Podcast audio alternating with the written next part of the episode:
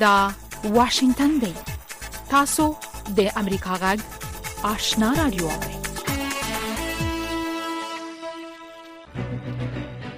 قدرمن اوریدونکو السلام علیکم زه شافیا سردار یم دا د امریکا غږ آشنا رادیو خبرونه پیل شوه لومړی به خبرونه واوري السلام علیکم درنو لیدونکو ستړي مشي زه زیبا خادم یم دا د امریکا غږ آشنا رادیو خبرونه ده د نړۍ د دې ساعت خبرونو ته ساسې پام را اړم ټاکل شوې ده چې روسیا د نومبر د میاشتې په نیمایي کې د افغانستان په حق لغونډه جوړه کړي مګر طالبانو ته پکې د ګډون بلنه نه ده ورکړ شوې د روسیې تاس خبري اژانس د افغانستان لپاره د ځانګړي استازي زمیر کابلوف له قوله لیکلي دي چې دا غونډه د ماسکو د مخکنیو غونډو ادامه ده مګر فرق دا دی چې دا ځل ورته طالبان نه دی بلل شوی زمیر کابلوف ویلي دی په سګنې غونډه کې به د روسیې، چین، هند، ایران، پاکستان، قزاقستان، قرغیزستان، تاجکستان، ترکمنستان او ازبکستان استازي ګډون ولري. تیر کال د اکتوبر په میاشت کې د دې غونډې ګډون کوونکو هیوادونو د طالبانو نه غوښتي و چې یو ټول شموله حکومت جوړ کړي د نجونو ښوونځي پرانیزي او پرینګدي چې د افغانستان خاوره د نورو هیوادونو په ضد استعمال شي مګر د طالبانو نطاق ذبیح الله مجاهد بیا نن د جمعې په ورځ ازادي رادیو ته ویلي دي چې د دې غونډې په حق له دوی ته معلومات نه دي ورکړ شوی خو د جوړېدو هرکلی کوي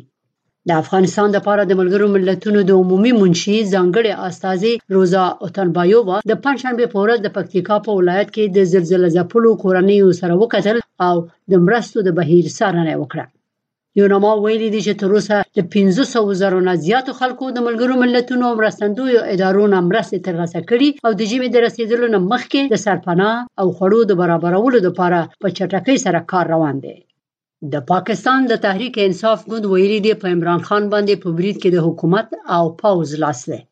د پاکستان د کورنیو چارو وزیر رانا ثنا الله د نومبر په دریمه خبري غونډه کې وویل چې دوی نه یوازې دا چې دغه تور ردوي بلکې د پلټونو نه مخکې دغه بیان هم غندي نوموړي ویلي د مرکزی حکومت د پنجاب د ایالتي حکومت نه غوښتي دي چې د لوړپوړو چارواکو یو ډله جوړه کړي چې په شریکه د دې پیښې داسې پلټنې وکړي چې شفاف او د باور وړ وي چې ولسته هر څه څرګند کړی شي د عمران خان په مشرۍ د تحریک انصاف په لاریون باندې پرون د پنجاب په وزیر آباد کې ډزې وشوې یو تن پکې ووژل شو او د عمران خان په شمول اووه تنه ټپي شول پخواني صدراعظم نواز شریف، د پاکستان د پیپلز ګوند مشر او د بهرنیو چارو وزیر بلاول بوټو زرداري او یو شمېر نورو سیاسیونو دا پېښه غندلې ده. د امریکا د باندنیو چارو وزیر انتوني بلینکن ویلي دي، په سیاست کې د تشدد ځای نشته، په کار ده چې ټول د زغم نه کار واخلي. د سعودي عربستان د بهرنیو چارو وزارت هم په عمران خان برید غندلی دی.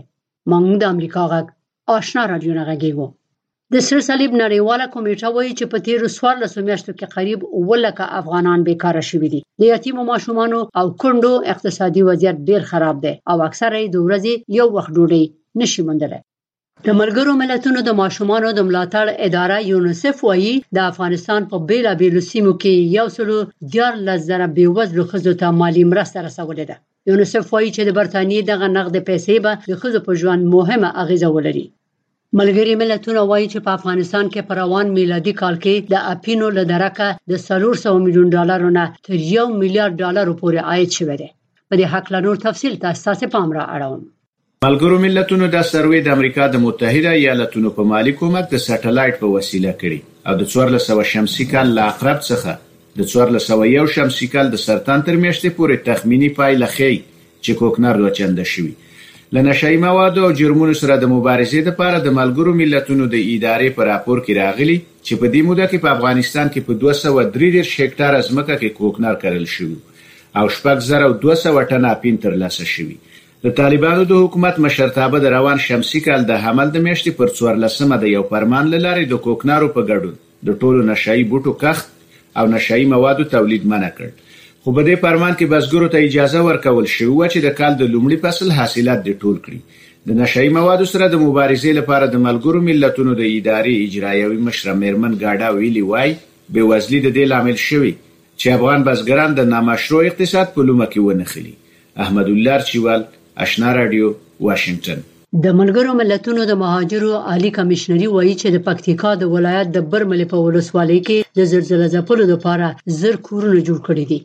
دې کمېشنرۍ پرون اعلان کړی دی چې دا کورونه به چې د زلزلې په مقابل کې مقاومت لري، د واورې د ورېدو نه مخکې هغو کسانو ته ورکړل شي چې د سرطان په میاشت کې د پکتیکا او خوست په ولایتونو کې کورونه په زلزلې کې ویجاړ شوي دي د طالبانو حکومت د ایران نه په جبري ډول د افغان مهاجرو د ستنولو خبر ورکړی دی او وايي په تیر یو ونې کې زرګونه افغان مهاجر د ایران نه افغانستان ته بیرته استول شوي دي د طالبانو د مهاجرینو او ستنیدونکو چارو وزارت ویلي دي چې اکثره د مهاجر چې په تیره یو ونۍ کې وطن ته راغلي دي په غیر قانوني ډول ایران ته تللي وو مونږ د امریکا غږ آشنا رادیو نه غږیږو د اوکراین د بارنیو چارو وزارت د اوکراین د جنوبي سیمونه د اوکرایني اتباعو ایستل غندلي د اوکراین د بارنیو چارو وزارت پرون په یو بیان کې وویل چې روسیا د خرسون د اشغال شوې سیمې د دنیپر د سیند د کینې خوانه په زور خلک وباسي او نور سیمو ته یې لیږدوي په بیان کې راغلي دي چې اوکرایني اتباع له دې سیمې ایستل کیږي او د کرایمه ټاپو وزمې یا د روسیې د فدراسیون نور مربوطو سیمو ته لیږدول کیږي او د اروپايي اتحادیې یو لوړ رتبه دیپلوماټ نن د جمعې په ورځ په جرمني کې د جي سیون د خارجه وزیرانو په غونډه کې چې نن یې دویمه ورځ ده ویلي دي غربي هیوادونو ته پکار دي چې په چین باندې خپله اتکا کمه کړي خو باید د روسیې سره یې په عین درجه کې رانه ولي زیبا خادم امریکا غږ آشنا رادیو واشنگټن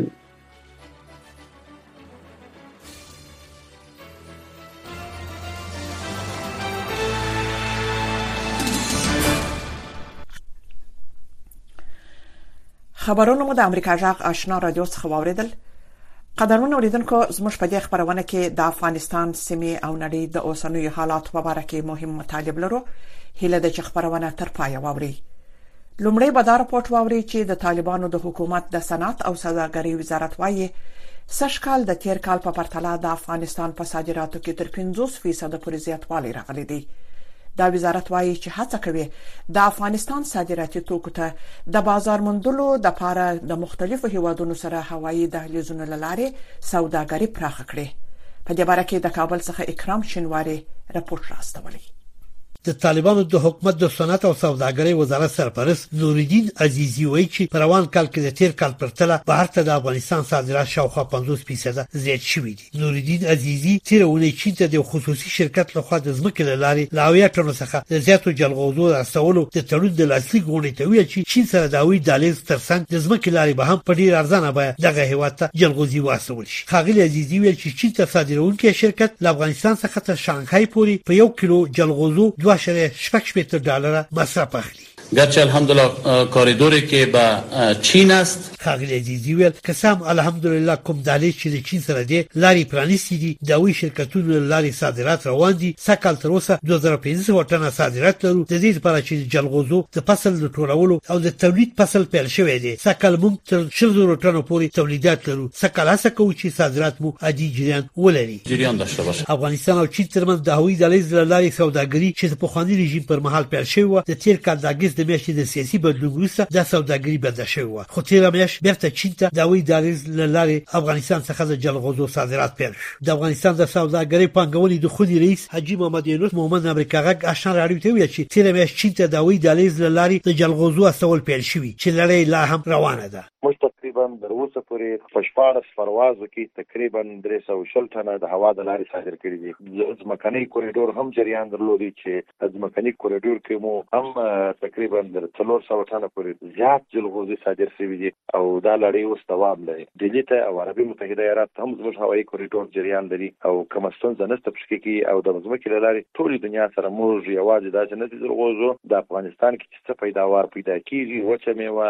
طبي نباتات نور هغه معدني بعضې اشیا او اجناس چې موږ لرو د هغو صادرات ډېر ښه روان دي. د صنعت او سوداګرۍ وزارت ویاند اخندزاده عبدالسلام جواد وایي چې دا وزارت هڅه کوي چې د هند سره هم د هوایي دهلیز له لارې سوداګري پراخه کړي او په دې برخه کې د یو هوایي شرکت سره یو تفاهم لیک هم لاسلیک شوی دی. خوشبختانه تجارت ما کماکان با هندوستان. ښاغلي جواد وویل، له دې کبرغه هندوستان سره زمونږ سوداګري روانه ده یو هوایي شرکت سره له کابل څخه هندوستان ته د سوداګریزو مالونو د لیږد لپاره د تل لپاره د یو هوایي دهلیز په توګه یو تفاهم لیک لاسلیک شوی چې دا د افغان سوداګرو او هندي سوداګرو لپاره چې افغانستان سره سوداګري کوي یو ښه زیری دی یک نوید خوش می باشه ښاغلي جواد وویل چې تېر کال افغانستان هند ته د دېرش زرو ټنو په شاوخوا کې وچه مېوه او نور طبي بوټي صادر کړي دي. د صنعت او سوداګرۍ وزارت ویاند وویل چې دا وزارت په دې لټه کې دی چې د سیمې هېوادو سره سوداګریزې اړیکې نورې هم پراخه کړي. هغه ویل چې بهر ته د افغانستان په صادراتو کې د تېر کال پر تله پنځوس فیصده زیاتوالی راغلی. د ښاغلي جواد په وینا د افغانستان صادرات د روان کال په شپږ میاشتو کې له یو میلیارد ډالرو څخه اوښتي دي.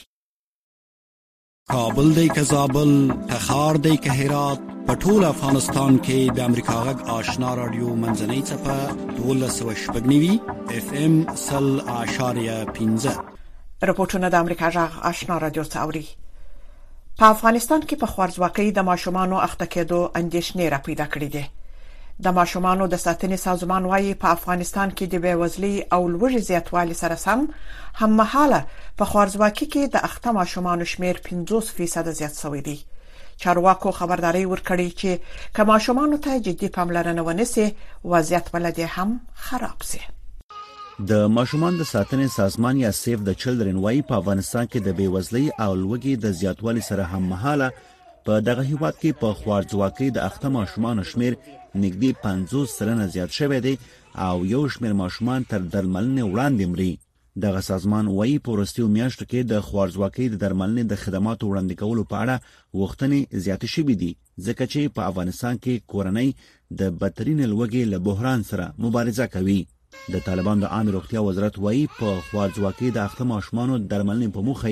په تیر و کال کې لږ تر لږه 800 سایټونه یا ګرځنده روغتیايي ټیمونه رامنځته کړي دي. په تیر یو کال کې د خوارځواکو ماشومانو لپاره تقریبا د 800 په شاوخوا کې نوي سایټونه ایجاد سول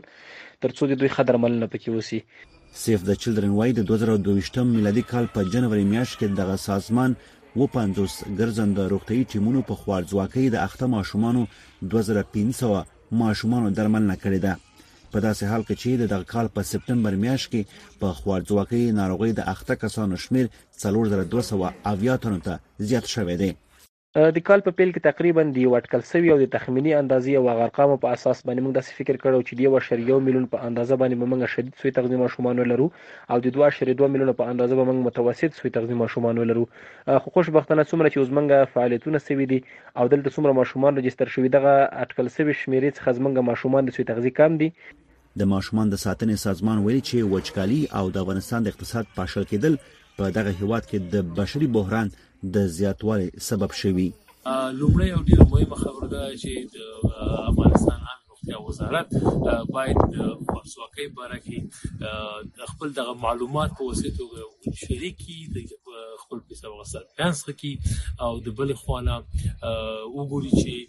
نړیواله ټولنه دوی سره څه کولی شي او هغوی ته هم د مرستې غوښتنه وکړي. د ماشومان د حقونو فعالینو په افغانستان کې د ماشومانو پر وضعیت اندېښنه ښودلې ده، وايي، که رسیدګي ورته ونه شي، د ماشومانو وضعیت به له دې هم بدتر شي. تاسو د ماشومانو وضعیت دا اوس د هیواد په سړکونو کې وګورئ تاسو د هغه مرستندوی ادارو چې دوی خدمات وایم یا مثلا مرستې وشي تاسو د دې ازدهام د بیروبار نه وګورئ متاسفانه ډیر زړه بګنون کړي زه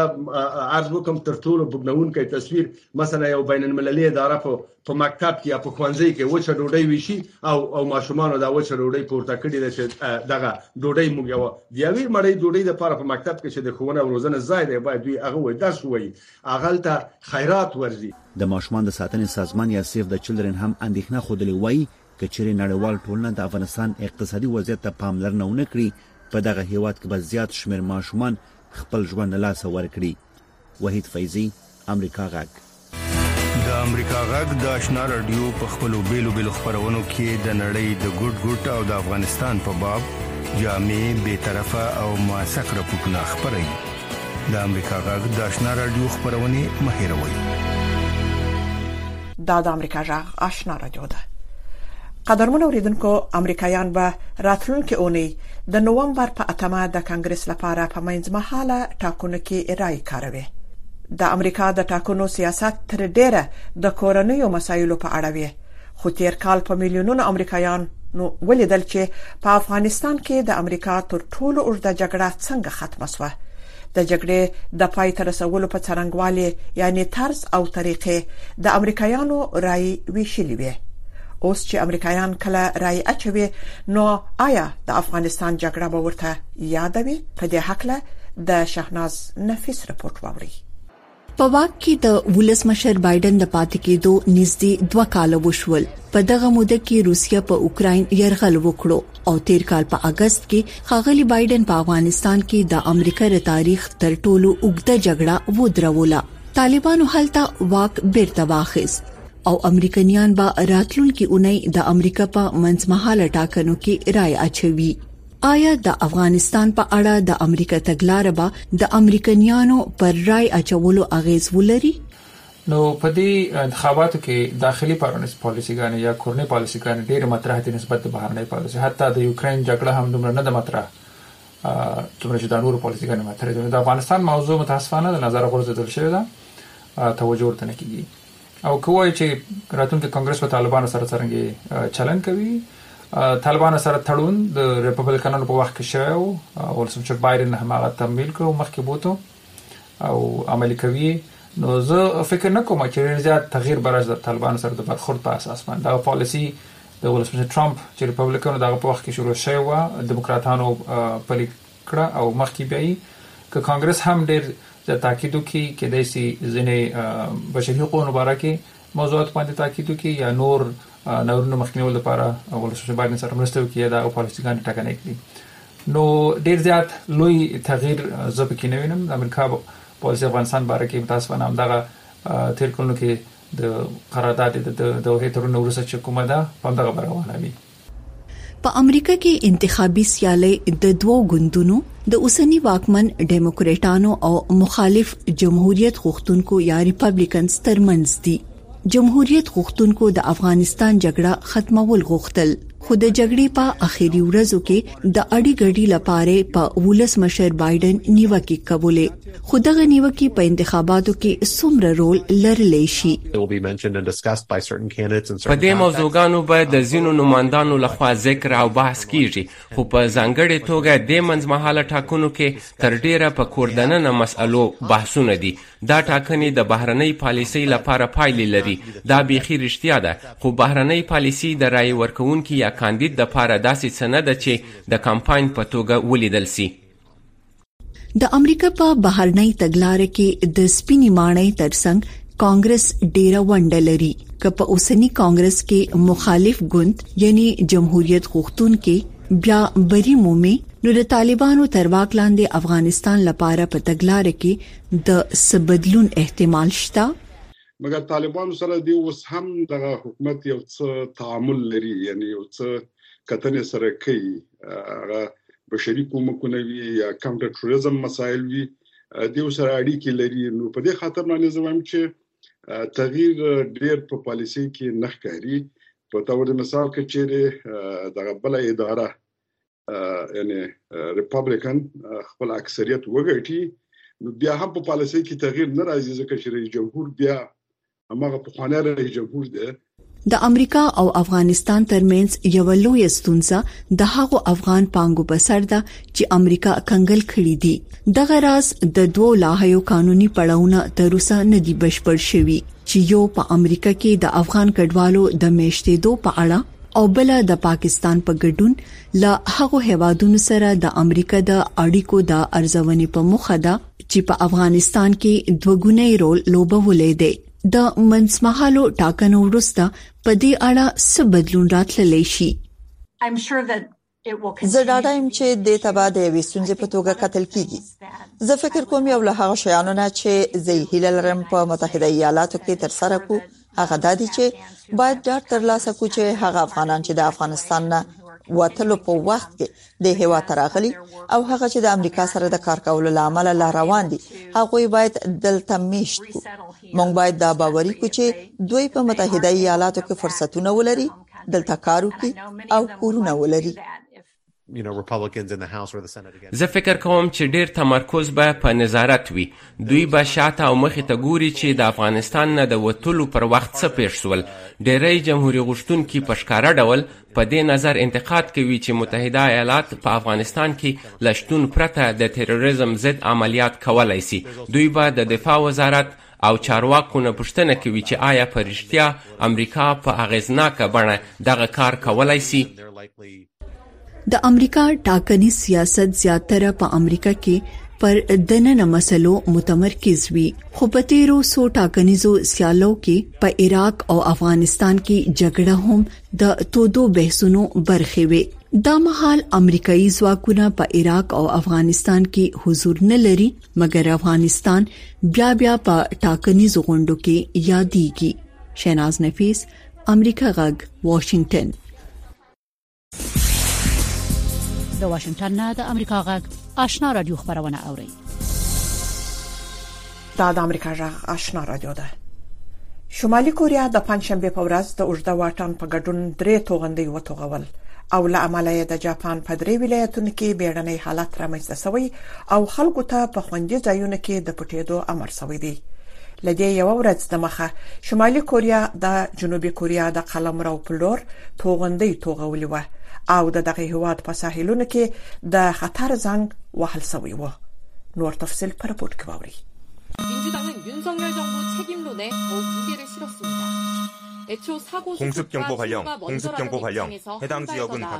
د جنوبي کوریا پر تلویزیون د خطر دا زنګ خلکو ته خبرداری ورکوي چې خوندي ځایونو ته پناه یوسي.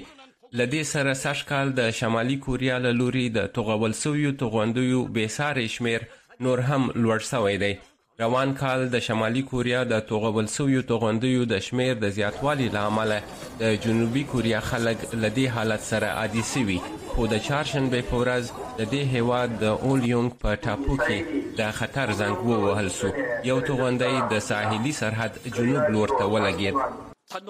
د کوریا ټاپو وزمې له وژل کېدو راهیسي د شمالي کوریا دا توغندي په لومړي ځل جنوب لور ته زموږ د قلمرو په اوبو کي لګېدلي دي. دا خورا نادره ده او د زغملو وړ نه ده زموږ پاوز به ورته کلک ځواب ورکړي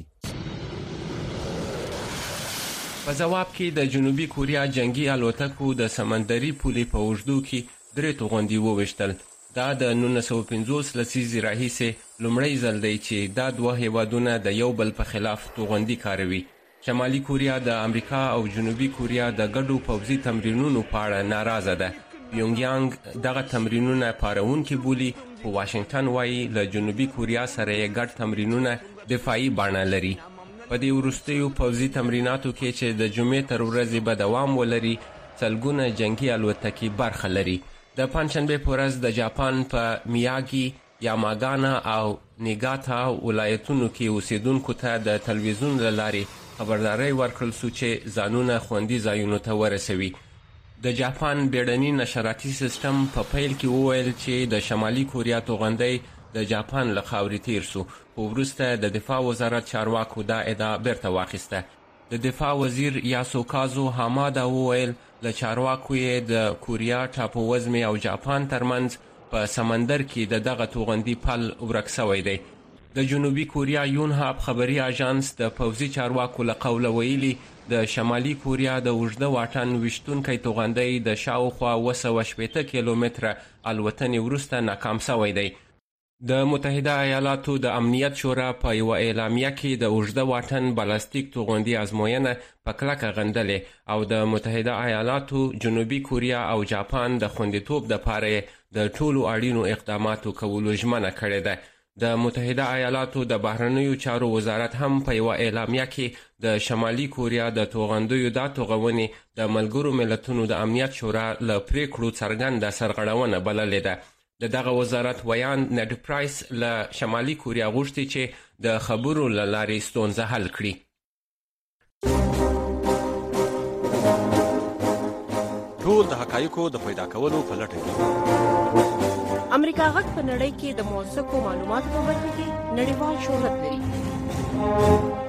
امریکا غږ په نړۍ کې د ټولو لپاره د خبرونو باوري سرچینه ده خلک د نړیوالو مسایلو په حق له جامع معلومات غواړي او امریکا غږ دا معلومات برابروي د امریکا غږ آشنا رادیو یو موثقه معتبره او جامع منبع منځنۍ چپه 1290 او په 15 ښارونو کې اف ام 0.15 رپوټونه د امریکا جغ آشنا رادیو ته اوري یونسکو د نوومبر په دوهمه د خبريالانو په وړاندې د جرمونو د معافیت د پای تر رسولو د نړیوال ورځ په توګه ولمنځل د 2016 او 2020 کلونو ترمنځ په ټوله نړۍ کې له 1200 څخه ډیر خبريالان وژل شوي دي چې د دغو وژنو له لاسو څخه نږدې نه قضیه په قضایي ډول حل شوی نه دي اړه د افغانستان د ښځینه خبریالانو د ملاتړ د ادارې د مشرې اغلې فریدې نیکزاد سره مرکه ته ستاسو پام راګرځوو ډیره زیاته مننه کوم د زړه له کومې او په خیر راغلی اغلې نیکزاد د نن ورځې بل توده مسله د سیګار ده د ولسمشر جو بایدن په حکومت نیوکې دي چې په تیر یو کال کې له افغانستان سره د امریکا د 1.1 میلیارډ ډالر بشري مرستو په اړه د غیدارې د بشپړ چیرنو مخنیوي کړی دی په دې برخه کې ستاسو معلومات او ستاسو تحقیقات څه وایي ډیره زیاته مننه زه فکر کوم چې متاسفانه د اوسنی حالات د افغانستان په اړ اړخ یو اغیزه وکړ ټول ته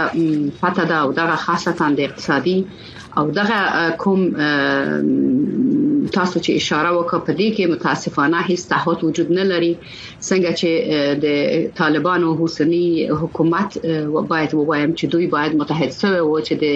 نړیوال د ټولنې په اساس دوی خپل معیارونه جوړ کړي و چې دوی وسو کولای چې د اقتصادي ستونزې لامل دا یو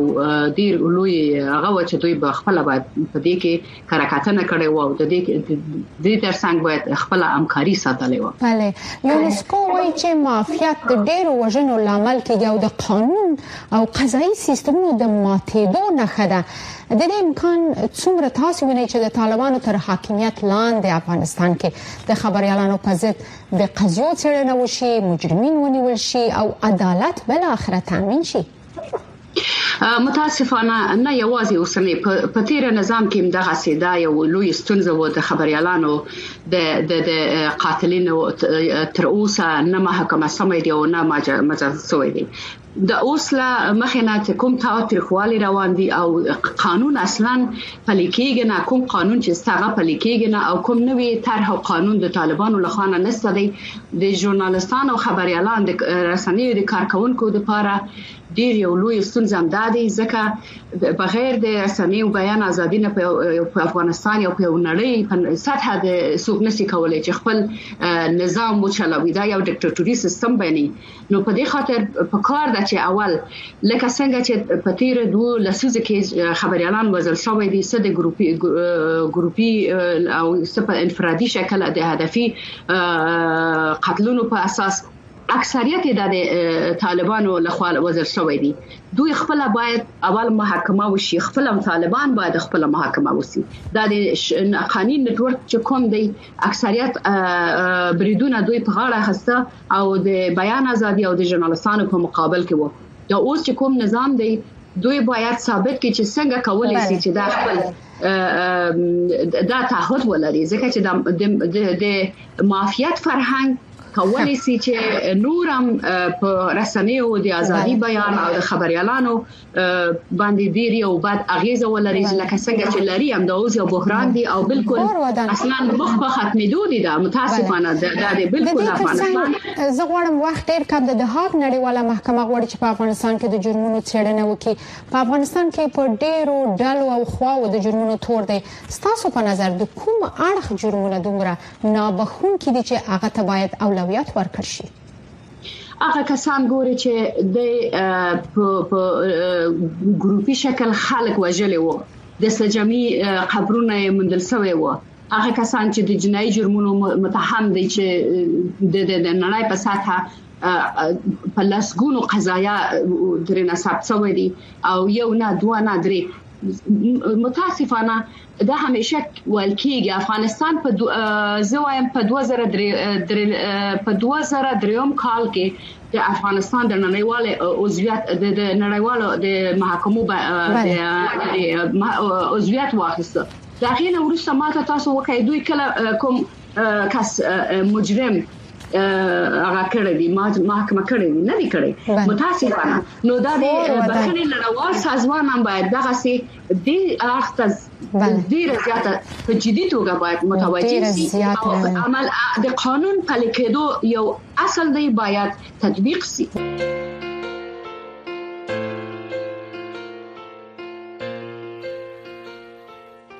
درنوریدونکو زموږ د خبرونه په همدې ځای پای ته ورسیده د امریکا جغ آشنا را دوه خبرونه دوام لري ستاسو ټول څه مننه چې زموږ خبرونه اوري